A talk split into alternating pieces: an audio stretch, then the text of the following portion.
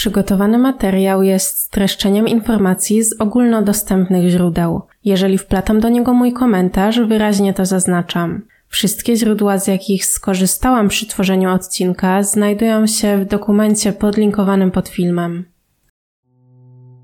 Przy wielu niewyjaśnionych sprawach pojawia się medialna debata na temat zbrodni doskonałej.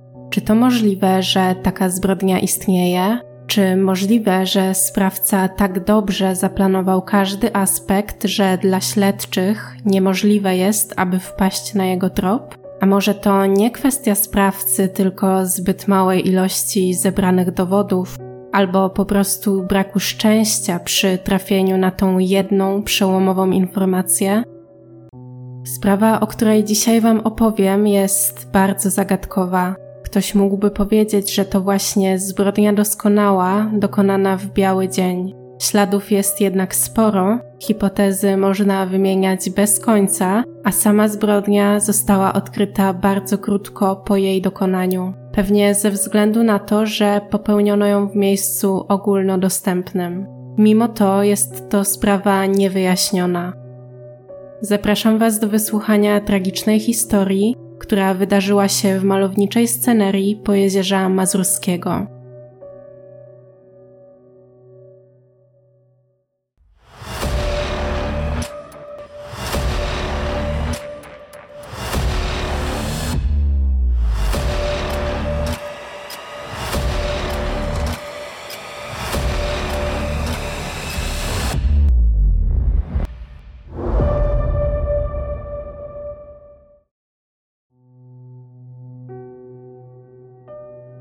Przenosimy się do lat 90., a dokładnie do roku 1996. W Polsce urząd prezydencki pełni Aleksander Kwaśniewski. Swoją działalność rozpoczynają takie polskie firmy jak Komputronik czy sieć komórkowa Plus. Na świecie dokonano pierwszego udanego klonowania, co skutkuje przyjściem na świat owieczki Doli. W Polsce pojawia się także stacja telewizyjna HBO, a w Atlancie odbywają się letnie Igrzyska Olimpijskie, na których Polska zdobywa 17 medali, w tym aż 7 złotych. Premierę ma film 101 Dalmatyńczyków, a także takie animacje jak Laboratorium Dextera czy Czarodziejka z Księżyca. W tym czasie pochodząca z Olsztyna Joanna Michalak ma 22 lata. Asia jest dziewczyną bardzo energiczną i uśmiechniętą. Przez sporą część życia mieszkała w stolicy Warmii razem z bratem Tomkiem oraz mamą Krystyną i tatą Krzysztofem. Joanna zdecydowanie nie jest osobą, której wystarcza życie z dnia na dzień. Jest ciekawa świata, w związku z czym ma też szereg zainteresowań, które rozwija w wolnym czasie. Bliscy bardzo ją kochają i wspierają w osiąganiu celów. Głównymi zainteresowaniami dziewczyny są historia, geografia, a także kultura. Asia nie dba jednak wyłącznie o rozwój umysłowy, ale także o fizyczny. Lubi sport, a jej ulubioną aktywnością jest jazda na rolkach. Przemierzanie okolicy w taki sposób jest dla niej sporą przyjemnością. Dodatkowo jest jeszcze jedna dziedzina, o której można śmiało powiedzieć, że jest największą pasją Asi Dziewczyna jest wręcz zafascynowana kulturą Japonii. Nie stanowiło to więc dużego zaskoczenia dla nikogo z jej bliskich, że w momencie, gdy doszło do wyboru kierunku studiów, Asia zdecydowała się na japonistykę na Uniwersytecie Warszawskim. I tutaj cofniemy się na chwilę o 12 miesięcy do roku 1995. Wtedy Asia mieszka w Warszawie i studiuje. Zdobywanie wiedzy o kraju, którego kultura tak ją interesuje, jest oczywiście czymś, co sprawia jej dużą satysfakcję, ale dziewczyna marzy jeszcze o czymś więcej. Chciałaby zetknąć się z kulturą na żywo, a jej ogromnym marzeniem jest podróż do Japonii. W związku z tym stawia sobie ambitny cel. Dostanie się na stypendium na japońskim uniwersytecie. Joanna zdaje szereg egzaminów i finalnie udaje jej się wygrać stypendium. Może wyruszyć w swoją upragnioną podróż. W sierpniu 1995 roku aż na 12 miesięcy wyjeżdża do Japonii. Tam zamieszkuje w Międzynarodowym Domu Studenckim. Chodzi na zajęcia z innymi studentami, a także uczęszcza na kurs języka japońskiego. Jednak co najważniejsze, ma możliwość zwiedzania kraju i poznawania jego kultury poprzez doświadczenia, a nie jedynie teorię zaczerpniętą z książek. Joanna czas stara się wykorzystać jak najaktywniej, aby dużo zobaczyć i jak najdokładniej poznać zwyczaje panujące w Japonii od środka. Z wyjazdu przywozi liczne pamiątkowe fotografie obrazujące to, jak spędzała czas, a także lokalne przysmaki, których zdobycie w Polsce w tamtych czasach graniczyło z cudem. Na zdjęciach można zobaczyć Asię w trakcie zwiedzania różnych miejsc. Na niektórych towarzyszą jej również lokalni mieszkańcy, których poznała w trakcie podróży. Bliscy Asi, mimo że wspierają ją w spełnianiu marzeń, to oczywiście bardzo za nią tęsknią i z niecierpliwością wyczekują chwili, kiedy znów ją zobaczą. Są więc przeszczęśliwi, gdy znów spotykają się 31 lipca 1996 roku. To wtedy Asia wraca do rodzinnego Olsztyna. Przez następne dwa dni spędzają razem czas i słuchają opowieści i wrażeń Asi o tym, jak było na wyjeździe. Do tego próbują wina ryżowego, czyli sake, które to dziewczyna przywiozła im w prezencie. Po tych kilku dniach wspólnego pobytu w Olsztynie 2 sierpnia decydują się na wyjazd za miasto. Nie muszą się martwić o szukanie jakiejś kwatery, bo już parę lat temu rodzina zdecydowała się zakupić nieruchomość. Chcąc mieć własną odskocznię od miejskiego zgiełku, zakupili domek letniskowy w Rekownicy. Teraz tradycyjnie chwilę poświęcę na opis miejsca akcji. Rekownica to wieś położona na Pojezierzu Mazurskim w gminie Jedwabno. Po bliskiej odległości znajdują się aż trzy jeziora: Rekowe, Konik, a także Głęboczek, nad którym można znaleźć pole namiotowe. Dodatkowo, jeżeli ktoś nie lubi spać w namiocie, to widziałam, że na Airbnb są dwie oferty wynajmu całkiem klimatycznych domków w samej Rekownicy. Z danych na stronie Polska w liczbach wynika, że mieszka tam jedynie 75 osób. Według danych archiwalnych na 23 gospodarstwa domowe znajdujące się w Rekownicy, większość stanowią te zamieszkiwane przez dwie osoby, co wydaje mi się jest trochę inną tendencją niż ta zazwyczaj spotykana na wsiach, aczkolwiek to pewnie zależy. Generalnie jak się ogląda tą wieś na Google Maps, to wygląda na takie ciche i spokojne miejsce. Miejscowość jest pełna zieleni i wręcz idealna na letni pobyt i korzystanie z uroku mazurskich krajobrazów. Wracając do historii, to Asia bardzo dobrze zna Rekownicę i okoliczne miejscowości, a także kojarzy mieszkańców. W domku letniskowym państwo Michalak bywali już całą rodziną nieraz. Oczywiście działa to również w drugą stronę, a okoliczni mieszkańcy znają Asię oraz jej rodzinę przynajmniej z widzenia i wymiany chociażby zwykłego dzień dobry. Rodzice Joanny i Tomka kupili domek kilka lat temu i przez ten czas regularnie go odwiedzali. Sąsiednia posesja należy do siostry pani Krystyny oraz jej męża, czyli cioci i wujka Asi. W związku z tym następnego dnia, 3 sierpnia, Wszyscy organizują rodzinne spotkanie. W trakcie Asia ponownie opowiada o swoich przygodach z ostatniego roku, a także częstuje wszystkich azjatyckimi przysmakami, jakie przywiozła. Atmosfera jest bardzo wesoła i rodzinna, wszyscy są zrelaksowani. Dobry humor utrzymuje się u wszystkich tym bardziej, że pogoda zdecydowanie dopisuje. Wobec tego rodzina planuje wspólne zorganizowanie popołudniowego grilla. Jednak, żeby ten plan doszedł do skutku, ktoś musi jechać do sklepu i kupić wszystkie potrzebne produkty. Na ochotników zgłaszają się Asia oraz jej brat Tomek. Do sklepu jadą około godziny 11. Oprócz przejażdżki po okolicy mają okazję też pobyć chwilę sam na sam i porozmawiać na interesujące ich tematy, których nie poruszaliby przy reszcie rodziny. Asia wypytuje młodszego brata między innymi o szkolne miłości i randki. Robią też oczywiście zakupy i kierują się z powrotem do rekownicy. Po powrocie Asia jeszcze chwilę siedzi ze wszystkimi, ale potem kieruje się do domku. Tam przebiera się w białe getry i t-shirt tego samego koloru, a także czarne spodenki. A to dlatego, że ma już kolejny plan w głowie. Chce w końcu wyjść na wyczekane rolki. Jazda na rolkach, tak jak wspominałam, jest jej ulubioną formą aktywności fizycznej, a nie miała szansy jej praktykować przez cały rok, bo do Japonii nie zabrała odpowiedniego sprzętu. Mama mówi dziewczynie, żeby została, bo niedługo będzie obiad. Joanna jednak bardzo chce wyjść, chociaż na chwilę. Informuje, że wróci za godzinę, co ostatecznie jest przekonującym argumentem, bo wśród bliskich jest znana ze swojej punktualności. Mówi, że ma w planie jedynie krótką przejażdżkę, aby trochę się rozruszać po przerwie. Ma zamiar jechać do Pidunia i z powrotem. Jest to trasa, którą często wcześniej pokonywała w trakcie wakacyjnych wypadów do Rekownicy. Piduń to również wieś położona w tym samym województwie oraz gminie co Rekownica. Nie ma w tym nic zaskakującego, bo obie miejscowości dzieli od siebie dystans jedynie 4 km.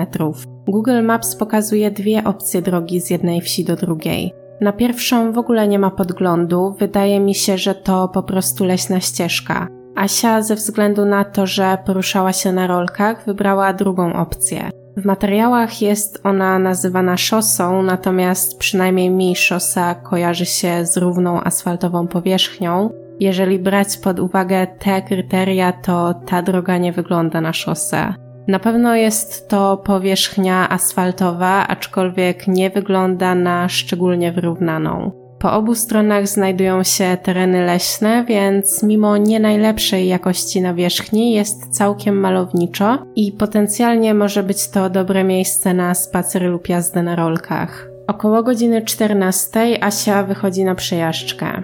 Wiadomo, że dojeżdża do Pidunia, gdzie robi sobie krótką przerwę i rusza w drogę powrotną. W rekonstrukcji przedstawionej w magazynie kryminalnym 997 widać, że już na początku trasy do Rykownicy ma miejsce niebezpieczny incydent. Asia jedzie ulicą, a tuż za nią duży samochód dostawczy.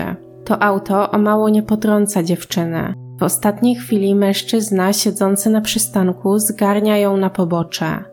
Po tej sytuacji Asia rusza w dalszą drogę w kierunku Rekownicy. Tylko, że z tym zdarzeniem mam pewien problem, gdyż nie wiem na ile te rekonstrukcje w programie są poparte zeznaniami świadków, a na ile to wizja dziennikarska. Inne źródła nie zawierają informacji na temat tego, żeby taka sytuacja miała miejsce. W Rekownicy wybija godzina 16. Bliscy Asi zaczynają się martwić, bo dziewczyna nigdy się nie spóźnia, a miała wrócić godzinę temu. Postanawiają więc wyjechać jej naprzeciw w nadziei, że z jakiegoś powodu wyjście dziewczyny się przedłużyło, ale znajdzie się cała i zdrowa. Rodzice oraz brat przemierzają okolice samochodem i rowerem. Wybór miejsca poszukiwań jest oczywisty. Przemierzają trasę pomiędzy Rekownicą a Piduniem. Zapobiegawczo jadą też trasą na Wielbark oraz Jedwabno, myśląc, że może Asia zmieniła plany i postanowiła przejechać się jeszcze gdzieś dalej. Informowała ich co prawda jedynie o wycieczce do Pidunia, ale po długiej przerwie mogło jej się jeździć tak dobrze, że zapuściła się w dalsze rejony. Kilka godzin później nad Pojezierzem Mazurskim słońce zaczyna chylić się ku zachodowi. W tym czasie drogą wojewódzką numer 508 podąża pewien turysta z Warszawy. Nagle przed maską jego samochodu wyskakuje mężczyzna. Krzyczy i macha rozpaczliwie rękoma. Turysta zatrzymuje auto i zjeżdża na pobocze. Pyta, co się stało, a w zamian otrzymuje dość chaotyczne, ale też mrożące krew w żyłach informacje. Mężczyzna, który wyskoczył na drogę, jest bardzo zdenerwowany. Mówi, że w lesie niedaleko szosy leży młoda kobieta, która prawdopodobnie nie żyje. Trzeba niezwłocznie zawiadomić policję. Turysta po usłyszeniu wyjaśnień natychmiast wykonuje telefon na komisariat, a dyżurnemu dokładnie opisuje lokalizację, której zarys sam przed chwilą otrzymał. Policjant wysyła na miejsce radiowóz z Wydziału Prewencji. Gdy funkcjonariusze jadą na miejsce, nagle w okolicach Jedwabna zatrzymuje ich inny mężczyzna. Ku ich zaskoczeniu mówi, że znalazł właśnie swoją córkę w lesie. Policjanci po opisie łączą fakty. zatrzymał ich ojciec tej kobiety, w sprawie której otrzymali zgłoszenie. Mężczyzna tłumaczy im, że jego córki nie ma już na miejscu zdarzenia w lesie. Zabrał ją do auta i właśnie wiezie do szpitala w Szczytnie. Policjanci powiadomili o całym zajściu dyżurnego, a następnie niezwłocznie pojechali na wcześniej wskazane miejsce w lesie. Wspomnianym mężczyzną, który wiózł córkę do szpitala, jest pan Krzysztof, tata Asi. Po prawie czterech godzinach poszukiwań, około godziny 19.40, dokonał makabrycznego odkrycia. 15 metrów w głąb lasu przy drodze wojewódzkiej nr 508, czyli tej pomiędzy Piduniem a Rekownicą, zobaczył swoją córkę. Wszystko wskazywało na to, że dziewczyna nie żyje. Do pana Krzysztofa zdawało się to nie docierać i rozpaczliwie próbował ją ratować. Najpierw podjął próbę reanimacji, która nie przyniosła żadnych skutków. Widząc to, zdecydował, że razem z Tomkiem wezmą Asię do samochodu, aby zawieźć ją do szpitala w Szczytnie. To właśnie w drodze do szpitala natknęli się na policyjny radiowóz. Lekarz od razu stwierdza zgon. Dokonując pobieżnych oględzin, mówi, że dziewczyna doznała obrażeń mogących świadczyć o tym, że stała się ofiarą jakiegoś wypadku drogowego. Brzmiałoby to całkiem logicznie, ponieważ jadąc bezpośrednio ulicą, Asia mogła zostać potrącona na przykład przez pędzący samochód. Tutaj miałaby sens również ta rekonstrukcja z magazynu kryminalnego 997, bo było w niej pokazane, że gdy mężczyzna stojący na przystanku odciągnął Asię sprzed nadjeżdżającego auta, to szarpnął ją dość gwałtownie, przez co dziewczyna upadła na pobocze. Po tym mogła mieć na ciele jakieś zadrapania i otarcia, które lekarz mógłby zinterpretować jako powstałe w wyniku wypadku drogowego. Jednak na wstępnych oględzinach oczywiście się nie kończy. Około godziny 21, czyli mniej więcej godzinę po przywiezieniu Asi do szpitala, zespół lekarzy przeprowadza kolejne, tym razem dokładniejsze badanie. Po nich sprawa przedstawia się już trochę inaczej.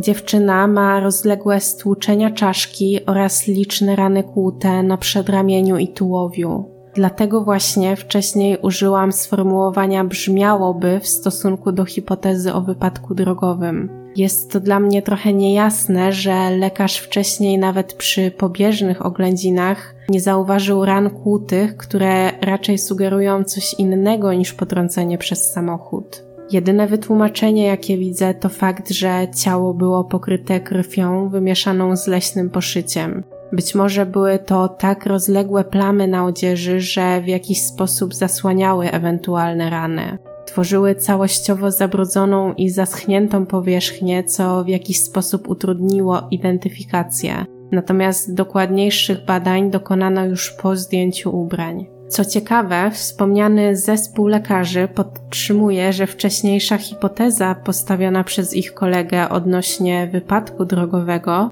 może być poprawna, ale z zastrzeżeniem, że Asia uderzyła w drzewo. Ponownie, według mnie, to trochę dziwne założenie. W jaki sposób rany kłute przedramienia i tułowia miałyby powstać od uderzenia w drzewo? Lekarze wykonują też test na stężenie pośmiertne. Stwierdzają, że zgon nastąpił około 6 godzin wcześniej, czyli w okolicach godziny 15. W materiałach wideo był podany dokładniejszy czas, to jest godzina 14.50. Ostatecznie ustalono, że na ciele Asi są ślady ran kłutych i tłuczonych zadanych różnymi narzędziami. Przyczyną śmierci były uderzenia w głowę zadane tępym narzędziem. Kompleksowe oględziny i zlecona później sekcja zwłok nie pozostawiają wątpliwości. Nie był to wypadek, a zabójstwo.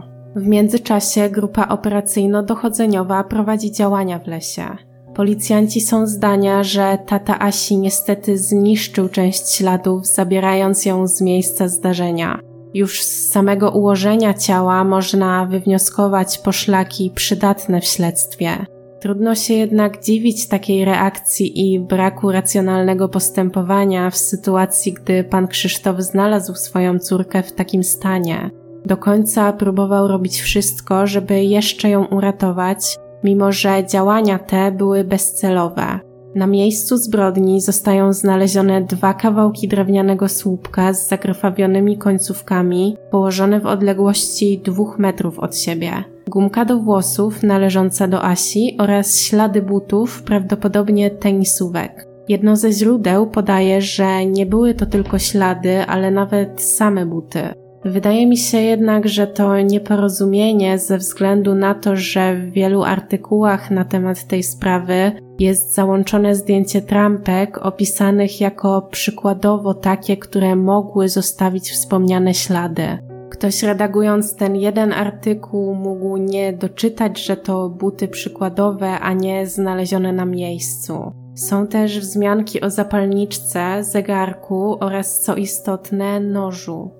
Pęknięty słupek z zakrwawionymi końcówkami służył do podtrzymywania młodego drzewka, które rosło nieopodal miejsca zdarzenia. Sprawca wyrwał go z ziemi i zadał nim Asi ciosy w głowę, przez co słupek pękł. To właśnie te uderzenia spowodowały obrażenia czaszki oraz mózgu, co w efekcie doprowadziło do śmierci. Podsumowując ten wątek, na miejscu zdarzenia sprawca pozostawił oba narzędzia użyte do morderstwa słupek oraz nóż. Śledczy rozpoczynają poszukiwania sprawcy. W tym celu chcą wykorzystać psa tropiącego. Ze względu na to, że Rekownica jest małą miejscowością, w okolicy niestety takiego psa nie ma. Policjanci czekają na sprowadzenie owczarka niemieckiego z komendy w Mrągowie. Po przyjeździe na miejsce pies podejmuje trop. Tak jak wspominałam wcześniej, ciało leżało 15 metrów w głąb lasu.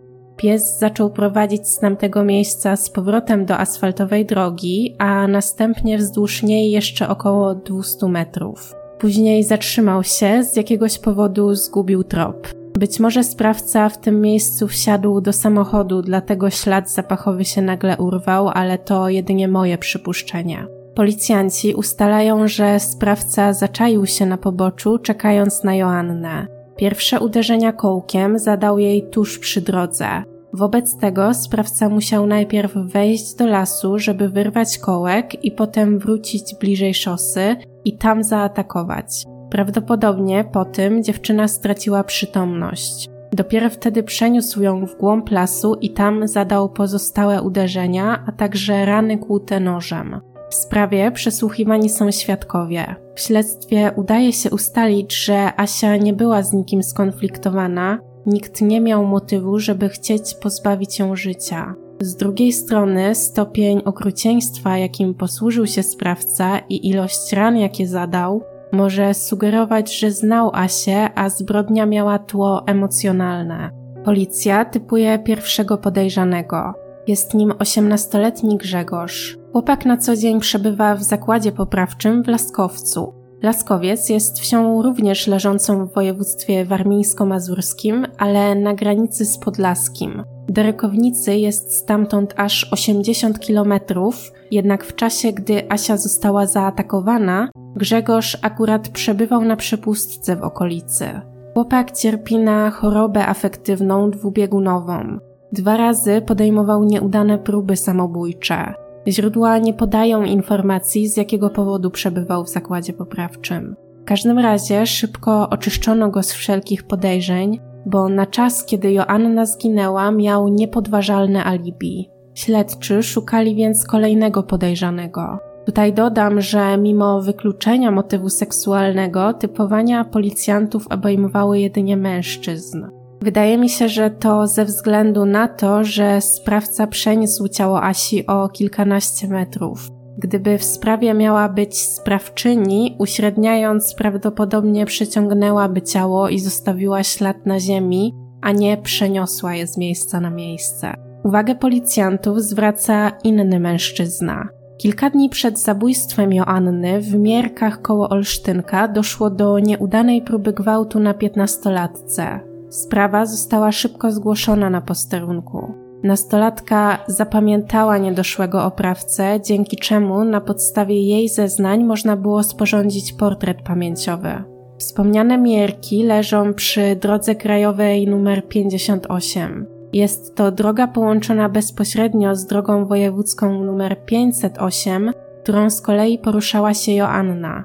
Oba miejsca dzieli trochę ponad 40 kilometrów. Ale jeżeli sprawca poruszał się samochodem, to pokonanie takiego dystansu nie stanowi problemu. Tym bardziej, że dojazd jest bardzo łatwy. Sprawca mógł więc krążyć po okolicy w poszukiwaniu ofiar i zjechał z drogi krajowej na wojewódzką ze względu na jej otoczenie, tereny leśne i brak zabudowań. Wcześniej też wspominałam, że według mnie ma sens teoria, że morderca mógł poruszać się samochodem z uwagi na to, że pies nagle zgubił trop. Są jednak także czynniki, które przemawiają na niekorzyść takiej wersji wydarzeń. W śledztwie stwierdzono, że sprawca prawdopodobnie nie kierował się motywem seksualnym. Sekcja zwłok nie potwierdziła, aby Asia miała być wykorzystana.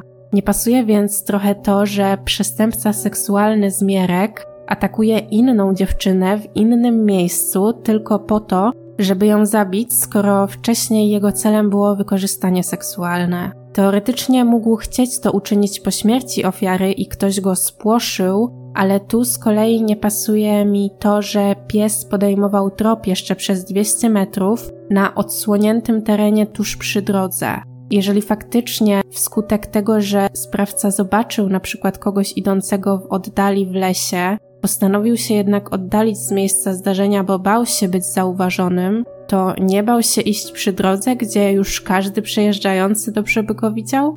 Większy sens według mnie miałoby poruszanie się wzdłuż drogi, ale nie tuż przy niej, tylko bardziej w głąb lasu, żeby właśnie przejeżdżające samochody go nie widziały. Dodatkowo, po co miałby zadawać wtedy cios nożem? Równie dobrze mógłby tylko zadać uderzenia w głowę, przez co dziewczyna straciłaby przytomność i wtedy ją wykorzystać.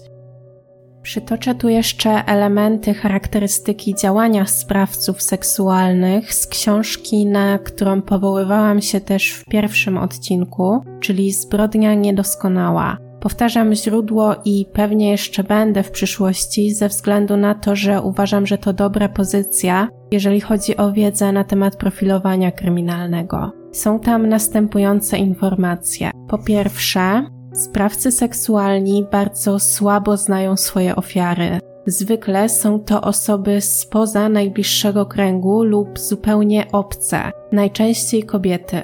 Wiek nie gra roli, podobnie jak wygląd. Sprawca wybiera je według sobie znanego klucza. Czy ten opis może mieć odniesienie na sprawę?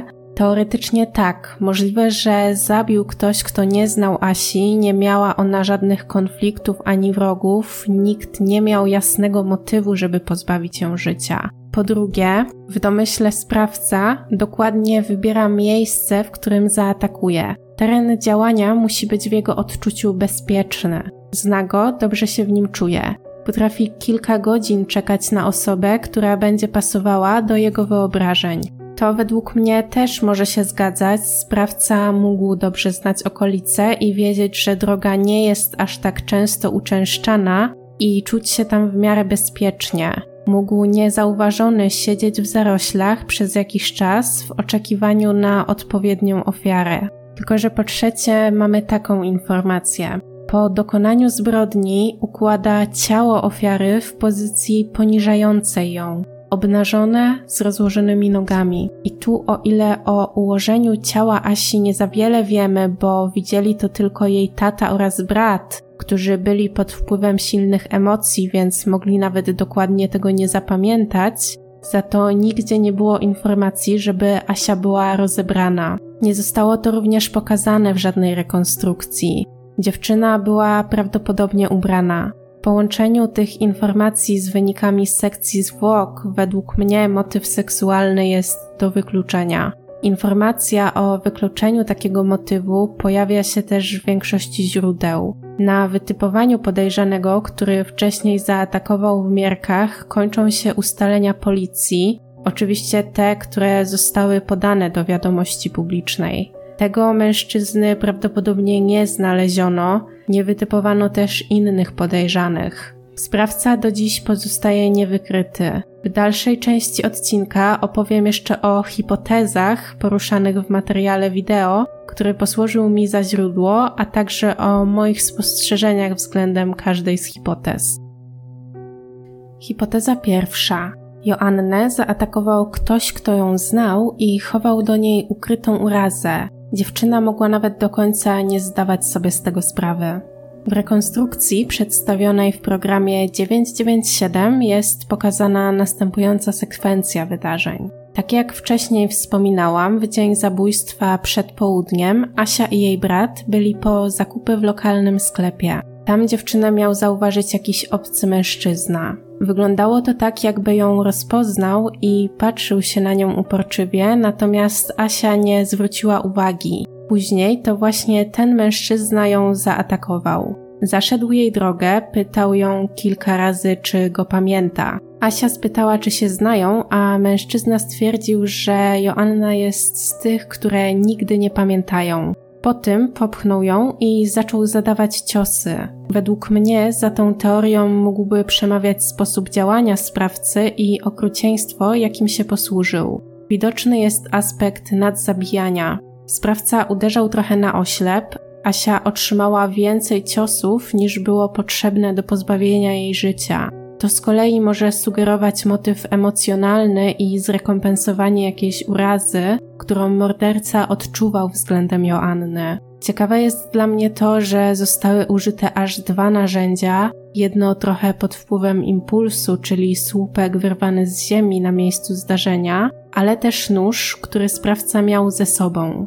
To, że w ogóle miał ze sobą nóż, może świadczyć o tym, że zbrodnia była planowana. Joanna na rolki wyszła spontanicznie, ale jeżeli sprawcą jest ktoś z miejscowych, a według mnie jest to wysoce prawdopodobne przez to, że znał teren, to kojarzył dziewczynę i mógł znać jej zwyczaje. Wiedział, że gdy przyjeżdża do domku letniskowego, często wychodzi na rolki i jeździ do Pidunia. Mógł widzieć ją wcześniej, na przykład właśnie w sklepie, i stąd wiedział, że jest akurat na wakacjach i prędzej czy później wyjdzie pojeździć. Postanowił więc poczekać na trasie, aż w końcu się zjawi, bo przypomnę, taką wersję podali też śledczy. Morderca zaczaił się na Joannę w zaroślach. Taka motywacja trochę przypomina mi jedną ze spraw, którą omawiałam na TikToku. Tam ofiarą też była Joanna, a dokładnie Joanna Sendecka z Bydgoszczy. Mordercą okazał się jej kolega z dawnych lat, z którym bawiła się na podwórku. Był w niej zakochany bez wzajemności. Gdy dowiedział się, że Joanna jest zaręczona i planuje ślub, postanowił ją zabić. Kobieta nie wiedziała, że mężczyzna ma do niej tak silne uczucia i nie spodziewała się, że może mieć w ogóle jakieś powody, by chcieć ją pozbawić życia. Dlatego też, gdy zapukał do drzwi jej mieszkania, po prostu go wpuściła. W omawianej sprawie z rekownicy sprawca również mógł znać Asię, mogło w przeszłości dojść do jakiejś interakcji, dla niej nieistotnej, o której zapomniała, a dla niego owszem, ze względu na to, że był nią na przykład zauroczony i jakieś małe sytuacje miały dla niego duże znaczenie. Mogło być też tak, że dziewczyna po prostu go znała, ale nikt z jej bliskich o tym nie wiedział. Mogła nie odwzajemnić jego uczuć, za co on w zemście postanowił ją zabić. Przypomnę, to są moje luźne skojarzenia i komentarz, źródła nic takiego nie podają. Hipoteza druga, zbrodnia częściowo planowana. Sprawca czekał na kogoś, aby zrealizować swoje żądze, natomiast było mu obojętne, kim będzie ofiara. Asia zjawiła się po prostu w złym miejscu o złym czasie. Taka hipoteza wyłania się częściowo z rozmowy Michała Fajbusiewicza z dr Joanną Stojer-Polańską z Uniwersytetu SWPS.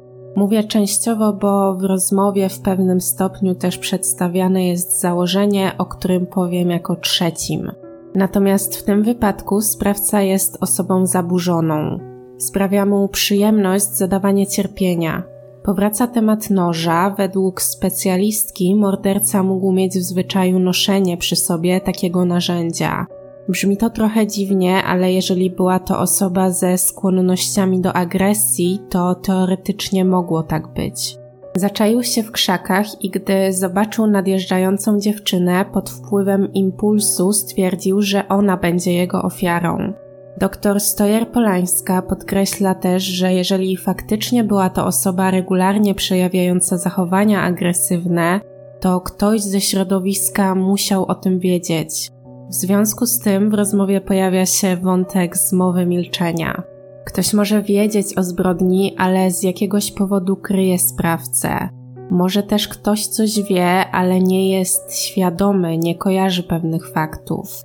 Żeby lepiej zobrazować, co mam tutaj na myśli, odwołam się do jeszcze innej sprawy, którą omawiałam na TikToku, czyli zabójstwa Zyty Michalskiej.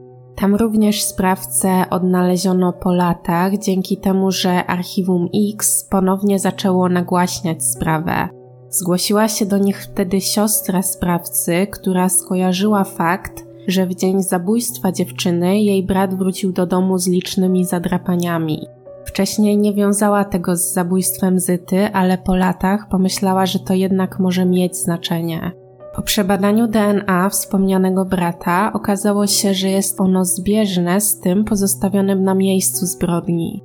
Być może w tej sprawie też tak jest, może ktoś coś widział, ale nie wie, że to może mieć znaczenie.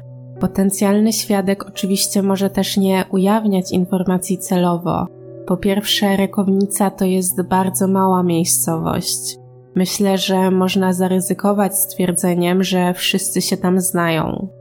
Według mnie mało prawdopodobne jest to, żeby w tak zamkniętym gronie nikt nic nie wiedział, a tak jak wcześniej wspomniałam, bardziej skłaniam się ku stwierdzeniu, że sprawca jest miejscowym. Po drugie, zmowa milczenia jest dość typowa, jeżeli chodzi o zbrodnie popełniane w małych miejscowościach. Ludzie coś wiedzą, ale trochę się jednak boją powiedzieć wprost.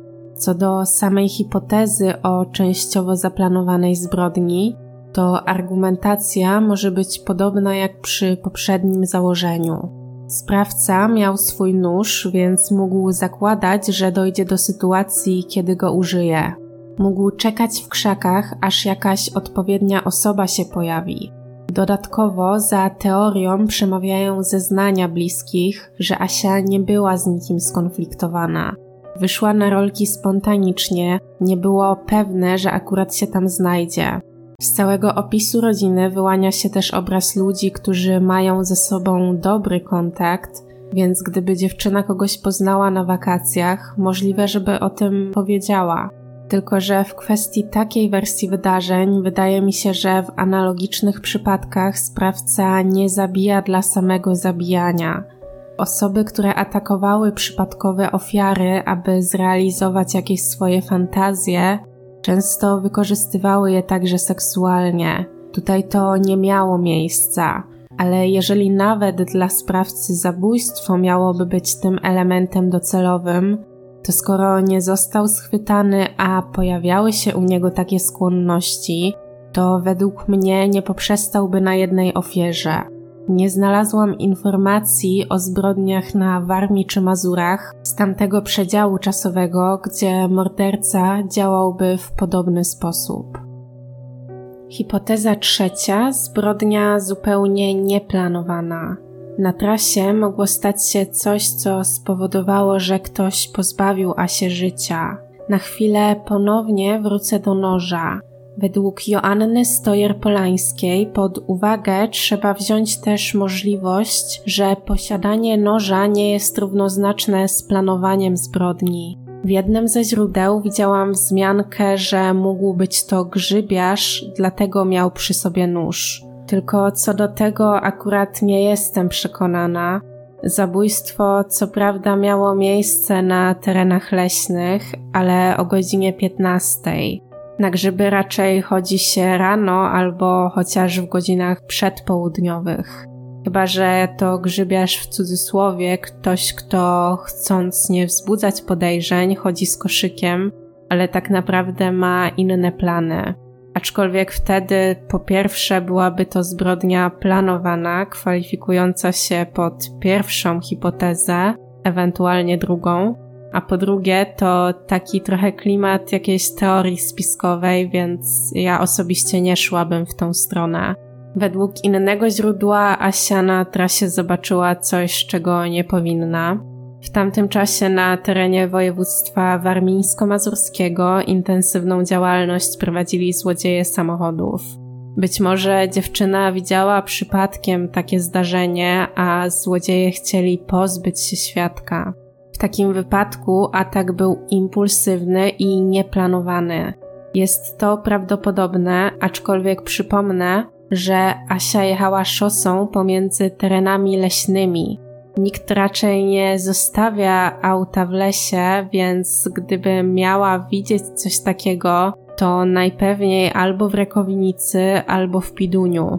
Tylko, że to wszystko działo się w granicach godzin 14-15 w środku dnia i nikt inny miałby tego nie widzieć. Poza tym zakładam, że jeżeli komuś skradziono auto, to zgłosił ten fakt na policję i śledczy mogliby to w jakiś sposób połączyć, a nie znalazłam informacji, żeby takie zgłoszenie równolegle miało miejsce i było wspomniane przy okazji artykułów o zabójstwie. Oczywiście to nie musi znaczyć, że go nie było, po prostu odnoszę się do tych informacji, które znalazłam. Odnosiłam się też wcześniej do sprawy Zyty Michalskiej i jeszcze na chwilę też do tego wrócę.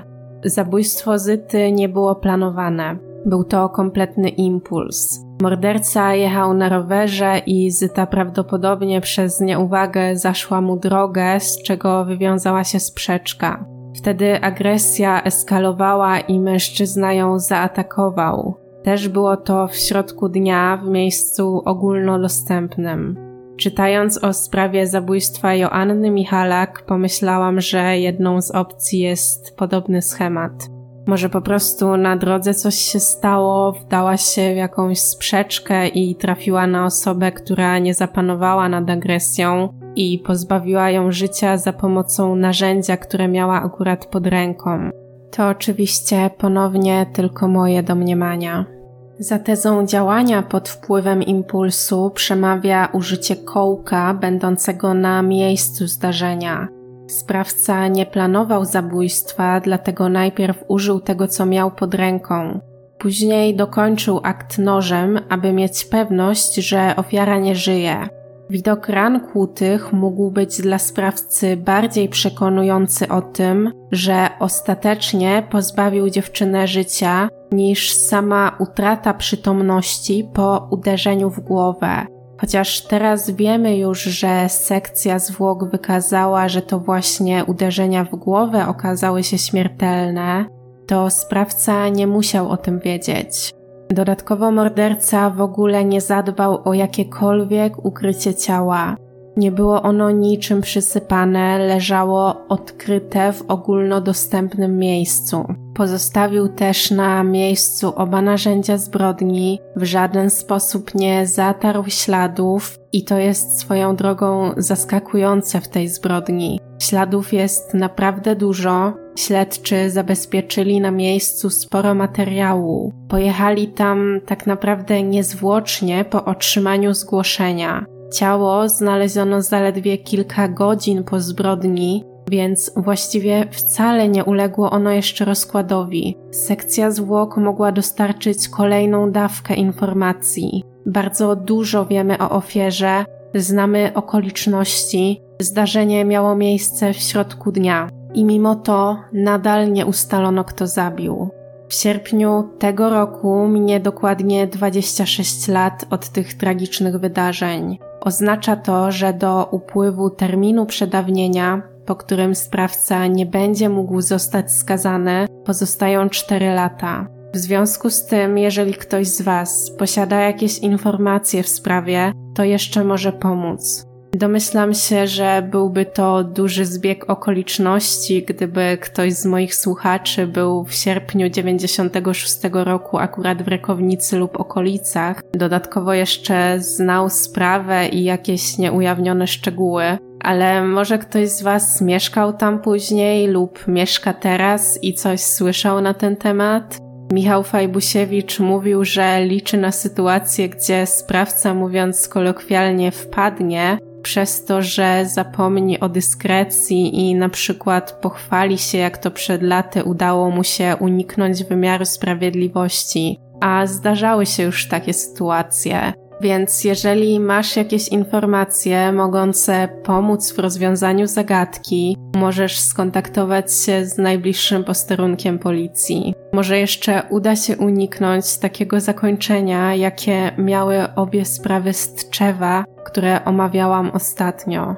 W dzisiejszym materiale wspomniałam o sprawie Zyty Michalskiej, a także Joanny Sendeckiej. Tam też wydawało się, że przełom nie nastąpi, a jednak obie sprawy zostały rozwiązane krótko przed terminem przedawnienia. Już za tydzień zapraszam Cię na kolejny odcinek. Tym razem omówię sprawę z województwa podlaskiego. Premiera odbędzie się 24 lipca, czyli tradycyjnie w niedzielę o godzinie 11. Jeżeli materiał Ci się spodobał, oceń mój podcast. Możesz mnie również znaleźć na YouTube, tam materiał jest wzbogacony o zdjęcia i mapki związane ze sprawą. Nazywam się tak samo jak tu, czyli Szkic Kryminalny. Link zamieszczę w opisie odcinka. A jeżeli chcesz usłyszeć więcej spraw kryminalnych w moim wydaniu, zapraszam Cię na mojego TikToka. Tam również publikuję informacje o polskich sprawach, natomiast w skróconej formie. Odcinki trwają od 2 do 3 minut i publikuję je regularnie codziennie od poniedziałku do czwartku. Nazwa to szkic.kryminalny i link również będzie w opisie.